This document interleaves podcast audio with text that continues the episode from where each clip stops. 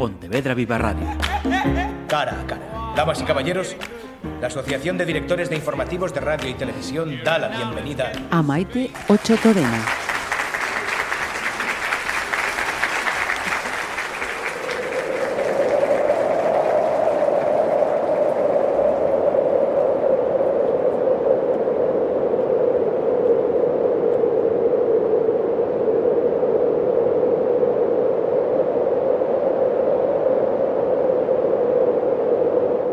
Base científica noruega NITHAB, Antártida. Sine alzó la vista del ordenador. Se quedó muy quieta, esperando volver a oír ese golpe sordo. Había sonado en el exterior, estaba segura. Se adelantó un poco y atisbó por la ventana del módulo médico la oscuridad nocturna y la tormenta de nieve que azotaba la base. De inmediato pensó en Björk. Björk que estaba desaparecido.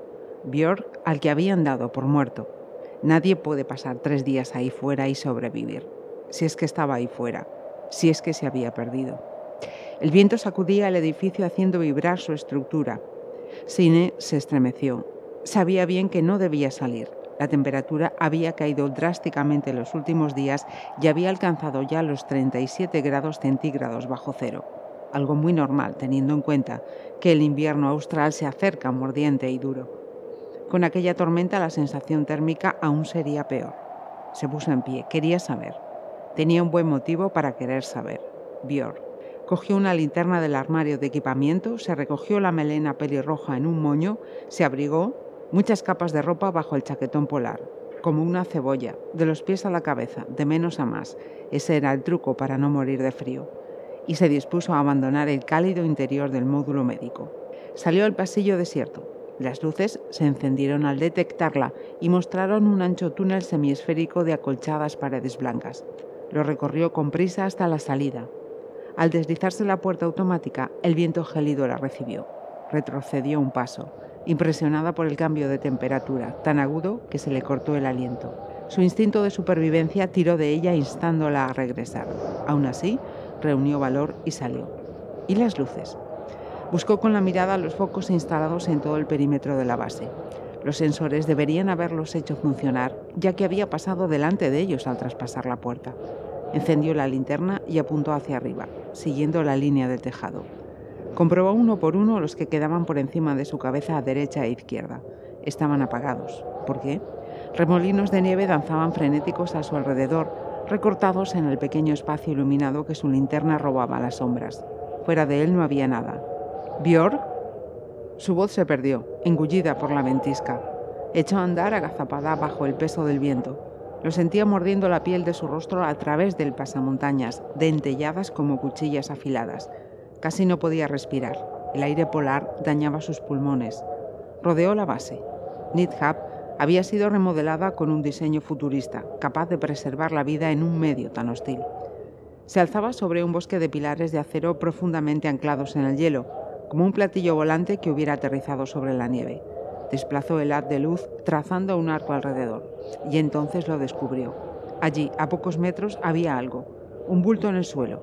La nieve estaba ocultándolo rápidamente. A Sines se le aceleró el pulso. ¿Qué era aquello? Se aproximó con cautela. Se quitó con los guantes la escarcha que se le adhería a las pestañas y abrió los ojos.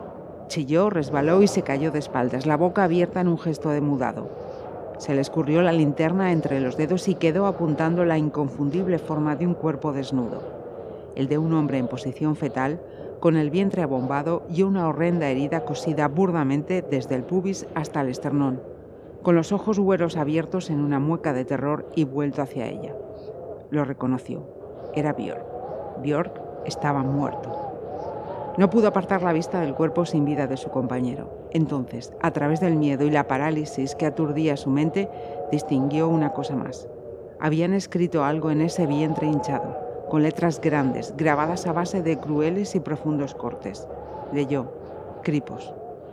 Y mientras pugnaba por ponerse en pie, agitando los brazos en el aire para no caer, como si fuera a emprender el vuelo, un sonido muy sutil alcanzó sus oídos. Al fin logró recuperar el equilibrio. Prestó atención. Un lamento se desprendía de alguna parte en la ventisca, un lloro estremecedor cuya tristeza la conmovió de un modo atroz. Quiso discernir de dónde provenía. no tardó en localizar su origen. Un tubo asomaba de la boca grotescamente abierta de Bjorn. Alguien se lo había introducido por la garganta. Asustada regresó a la base. Tenía que despertar a todo el mundo.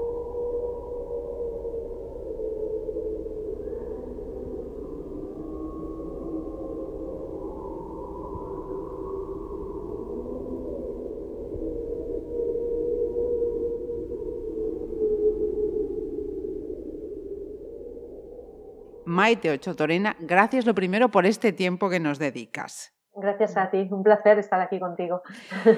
Maite, mm, nos llevas hasta la Antártida, nada más y nada menos, en unas páginas que mezclan ese mm, relato negro, thriller, la aventura y, como nos decían de pequeños, una contundente moraleja. Lo primero, este escenario es algo que mm, que ya tenías ganas, que ya te apetecía, lo tenías muy claro o surgió paralelamente a, la idea? ¿Cómo fue esto? No, ya le tenía ganas, eh, decididamente. Eh, tenía ganas porque, bueno, pues eh, la historia ha sido buscada en el sentido de que ya después de la mensajera del bosque eh, había ciertas cosas que estaba leyendo por ahí, investigando, que tienen que ver con los océanos, con lo que está ocurriendo en zonas como el Ártico, ¿no? en la Antártida también. Eh, vi un documental de Javier Bardem también que hablaba de, del viaje que hizo con, eh, con Greenpeace y estuvo viendo aquello y bueno, pues yo necesitaba hablar de eso, que es, es, algo que está pasando y de lo que no se habla mucho. Y no, no quiero decir de qué, por no desvelar cosas, pero es algo que está ocurriendo bastante en silencio y que, y que bueno, pone en peligro ¿no? Eh, eh, todo ese mundo tan desconocido que hay bajo las aguas e incluso en el hielo. ¿no? Y, y, de ahí que escogieron la Antártida para ambientarla, porque tú sabes que allí se está haciendo un trabajo importantísimo de investigación para comprender precisamente eh, el impacto que tiene la actividad humana ¿no? sobre esos entornos tan frágiles, por cierto, aunque sean eh, pura naturaleza con todo lo ingobernable que es, pero es muy frágil. Y, y, en peligro las respuestas que pueda haber allí, ¿no? En, en el fondo o en, o en el hielo. con lo cual, pues ahí fue la Antártida. Fíjate que mm, aquí en Pontevedra Viva, pues tenemos hablado muchas veces de esa misión que todos los años realizan el ejército de tierra en esa campaña antártica, porque previamente, digamos que, se entrenan aquí muy cerquita, en Ogrove, con lo cual es algo que todos los años vamos preguntando y, conociendo. Pero yo cuando estaba leyendo mm, esta novela y algunas cositas que he ido viendo, yo me hacía una pregunta. Yo creo que la autora que Maite sabe más de lo que nos cuenta. Y no te pregunto por no comprometerte. Sí. sí. Ya que hablamos de, esta cuestión del cuidado medioambiental, de ese mensaje ecológico que lleva un desierto de, hielo, tenemos todavía eh, sin asumir un doble rasero en todo esto que suponen los mensajes ecológicos, todo lo que nos mm. están diciendo. Sí, un poquito. Y, estamos llenos de contradicciones, además, ¿no? Eh, un ejemplo es Noruega, que precisamente por eso aparece en la novela, porque tiene, por una parte, un papel eh, muy, muy encomiable, ¿no? En cuanto a la lucha contra el cambio climático, dentro de la propia Noruega está haciendo muchísimo por paliar eh, ese, ese, ese verter CO2 continuamente, ¿no? Al medio ambiente y todo eso, pero por el otro lado, el papel que está teniendo en el Ártico está siendo pues eh, muy reprobable también, ¿no? Claro. Eh, sigue, sigue siendo un gran exportador de petróleo, de gas y de hecho estaba leyendo hace poco en un artículo que, está ya buscando abrir nuevas plataformas ¿no? de, petróleo en el Ártico. Con lo cual dices, bueno, ¿en qué quedamos? ¿no? Se supone que tenemos que ir eh, hacia atrás en ese terreno y sin embargo hay quienes siguen intentando sacar provecho de todo eso. Así que pues ahí la contradicción es muy palpable. Em, nos sitúas a dos protagonistas, eh, Mikel, un policía vasco, eh, y Erika, una policía eh, noruega, que fíjate, me resultaban muy equiparables al escenario del relato, en el sentido de que son dos personajes muy, muy fuertes, resilientes, mm. pero al tiempo con un fondo frágil y oculto. Totalmente, sí. Y se compenetran el uno al otro. Eso es así. Eh, y son como dos personas que en el fondo se parecen mucho, porque son unos luchadores, son amantes por la vida, los dos, ¿no? Eh, pero Miquel arranca la novela en, una, en un momento que Erika ya ha pasado. ¿no? él, él, está atravesando una, una, crisis muy profunda, muy personal, que le, bueno, que le lleva al borde del precipicio, ¿no? nunca mejor dicho, además. Y, y, Erika ya ha pasado por ahí, ¿no? Es una mujer que ya se ha rehecho a sí misma, que se ha reconstruido y que está dispuesta a cambiar las cosas, ¿no? Es como que Erika, cuando aparece en el horizonte de Miquel, eh, le da una, una, salida, una respuesta, ¿no? Aunque, aunque sea hacia el infierno, pero es un paso hacia adelante y le saca un poco de ese bucle en el que anda metido. Y se forma un baile entre los dos muy... Mm, es, es precioso, a mí me encanta, yo no sé, es... Eh, pues pura, pura lucha por la vida y puro amor por la vida, ¿no? Al final. Que es de lo que va la novela en, realidad también, ¿eh? sí. Vamos a dejar así un, asterisco en esa última respuesta porque luego voy, voy, a enlazar también por ahí. Mm, antes quería mm, comentar otra cosa que como buen thriller hay un asesino y es muy sádico. Eso me decía una chica ayer que se acaba de leer la novela y decía, madre mía, ¿qué tienes en la cabeza? ¿no? Digo, yo no he sido. no, es cosa mía. Hay ahí un, asesino que hace lo que hace, ¿no? Pues sí, sádico, no sé, pero eh, no, no sé, ese sadismo ha sido la manera de, representar ese, ese, mensaje que también él lanza, ¿no? Es que te dice, de alguna manera, y que nadie me malinterprete, mm, pero también poético, ¿no? Porque son metáforas muy, muy evidentes. Claro, eso es, eso es, esa era la idea, no sadismo porque sí, eh, puro y duro, sino, sino que a través de, esos actos que él, que él comete, pues nos llega también un mensaje importante y claro, ¿no? En voz alta y clara. Entonces, bueno, pues de ahí, de ahí el que sea así. Decía, y ahora retomo ese asterisco que, dejaba pendiente antes. Hay aventura a, a, muchos grados bajo cero y a muchos metros bajo el hielo, pero eso lo dejamos ahí porque quería preguntarte. Si fuese una película, estaría hablando, te estaría preguntando por personajes de reparto, pero ya que estamos en una novela, vamos a decir temas de reparto, si me lo permites, ¿no? Em, nos hablas de, de, ese ímpetu, de esas ansias de vivir, efectivamente, pero también eh, introduces esa lacra de la violencia machista, mm. de las enfermedades y de cómo afrontar esas enfermedades en uno mismo y en esas personas a las que queremos. Sí, totalmente. Es que eh, ese tema está muy presente no solamente en los protagonistas, es que en todos los personajes, ¿no? Cómo afrontamos eh, las situaciones límite, bien sea una enfermedad, bien sea la situación que ellos están viviendo en la base, eh, bien sea eh, por lo que pasó Erika, ¿no? ¿Cómo, ¿Cómo, afrontamos eso que muchas veces no tenemos ni idea de cómo lo vamos a hacer? ¿no? Es, es un misterio. por mucho que queramos, no sabemos cuando ya una situación límite como, como, la que ellos están pasando cada uno a su manera, ¿no? No tenemos ni idea de cómo vamos a reaccionar. Y de hecho ahí está lo que pasa en la historia. Sí, ¿no? sí, es que sin duda. Resulta difícil contestarte sin... No, no, no, vamos a generar ahí ese, esa intriga, que es de lo que, de lo que se trata. Y también te digo que mm, mm, es que es un, no parar, ¿eh? Estás en una página, no, no, no paro, venga, otra más, otra más, otra más. Engancha, engancha muchísimo. Otra pregunta que quienes eh, nos escuchen mm, sin haberla leído la van a entender de una manera y quienes tengan pendiente la lectura la van a entender de otra. Pero la naturaleza es una salvadora inexplicable. Sí, sí, sí que lo es, sin duda. Y es que creo que, en ella está eh, la salvación, ¿vale? En ella está la salvación, aunque, aunque parezca, no sé, ¿no? difícil de, de, entender, pero es que si no nos damos cuenta de que en ella está la salvación, de que sin ella no hay salvación, digamos, ¿no? Por decirlo de otra manera, eh, estamos eh, muy perdidos. estamos muy perdidos. Somos parte de.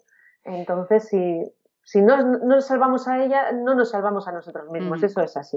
Y si estamos atacándola y agrediéndola y maltratándola, somos a nosotros al final quienes también lo claro, estamos haciendo. Eso es. eso es. He estado viendo, leyendo y fijaos, de todo esto que llevamos hablando, ha aparecido una palabra que es ecothriller. Mm. Mm, ¿Te sientes eh, pionera en este nuevo género? Pues no lo sé. Me están diciendo que lo he inaugurado yo, pero yo no soy muy consciente de eso, la verdad. No sé, no sé. Pionera, no sé, yo creo que ya hay más libros, que hay más literatura que, tiene de fondo ese mensaje, ¿no? Eh, ahora mismo no me viene así a la cabeza, pero seguro que hay más. Lo que pasa es que, bueno, eh, ¿sabes? Eh, quizás es el momento en que, en que lo estoy escribiendo, que más oportuno no puede ser, ¿no? Y cuando escribí La mensajera del bosque no es que estuviera pensando, ahora es el momento, para nada. ¿Cómo me iba a imaginar yo todo lo que vino después? Que si la pandemia, que si todas aquellas catástrofes medioambientales que hubo, ¿no? Con los incendios de la Amazonía, el Bolsonaro ahí arrasando con todo, bueno, todo aquello. ¿Cómo me lo iba a imaginar yo? ¿no? Yo lo escribí por una necesidad mía propia, ¿no? por una preocupación que yo sentía, sí. Eh, pues porque vas viendo en el día a día ¿no? cómo, cómo lo poco conscientes que somos de todo ¿no? y lo importante que es que lo seamos, que nos detengamos un poquito y que no nos dejemos arrastrar, no arrasar por la rueda en la que, en la que vivimos, que no nos deja tiempo para pensar. Eso, eso deberíamos hacerlo, ¿no? Aunque, aunque es paradójico deberíamos tomarnos tiempo para pensar cuando no tenemos tiempo, para, pensar. Sí, cada vez, cada, efectivamente, cada día menos, lamentablemente. También quería entrar en esa parte que tenéis los escritores, mm, que es la, previa a, sentarse a, a escribir vuestras páginas. Y es todo ese trabajo ingente de documentación, de informarse, de datos para mm, darle esa credibilidad esa, mm, A, cada trabajo. Yo he visto que habías contado con alguna persona muy mm, preparada en el, en el tema y ¿cuánto tiempo, cómo ha sido todo ese trabajo previo, Maite? Pues ha sido constante, te diré. Eh, no es un trabajo previo, sino constante. He estado tirando de información y de documentación desde el principio hasta el final, porque siempre me surgían dudas. A ver, yo no conozco, no soy una experta, ¿no? Entonces, eh, a cada paso que, das eh, sigues, eh, por si acaso, contrastando y sigues comparando y sigues, no sé, intentando que sea eso, lo más creíble posible, ¿no? Lo más realista. Entonces te diré que es un trabajo que no termina, no termina. Y de eso, fíjate, me estoy dando cuenta ahora hablando contigo, porque has dicho lo de previo y, digo, no, pues realmente no es previo. No, no es previo, es constante. Constante. y, y, antes de terminar y recurriendo a tu formación y experiencia profesional, sí que hay pasajes en los que leyendo decía, esto podría ser un videojuego interesante y tremendamente visual. Podría serlo, no lo sé. y yo es que hace tanto tiempo que ya estoy un poco desvinculada de, de, los videojuegos, ¿no? Y antes que en un videojuego, a mí me gustaría verlo en una miniserie, por ejemplo, ¿no? Que, por, ejemplo. Que sería brutal, porque creo que es el formato que mejor se adapta a un libro, el que más lo respeta, ¿no? Sí, sí. Eh, no lo sé, creo que eso me gustaría bastante más. y sería igual, igualmente eh, visual, porque hay, partes de este libro que creo que cada escenario es un lector. Porque cada lector se lo, se lo va a imaginar de una manera seguramente que, que Absolutamente, sí, sí. eso es increíble, ¿no? Como una misma historia en cada cabecita y en cada corazón cala de una manera según en qué momento estamos, ¿no? Según nuestra propia experiencia y nuestra, nuestra forma eh, propia y, única de ver las cosas. Ya sabes, eh, hay tantas verdades como personas que pisan esta tierra. Pues hay tantas, eh, tantos desiertos de hielo como lectores, efectivamente. totalmente, totalmente. Pues Maite, un placer conocerte y un placer estos minutos que nos has dedicado. Muchísimas gracias. Muchas, muchísimas gracias a ti, de verdad. Un placer, encantada. Pontevedra Viva Radio. ¿Me permiten que les haga un comentario como espectadores del programa Cara a Cara? Según un reciente sondeo de mercado, ustedes disponen de estudios e inteligencias superiores a la media. Sus intereses abarcan desde la actualidad mundial y la ciencia hasta el deporte y los espectáculos.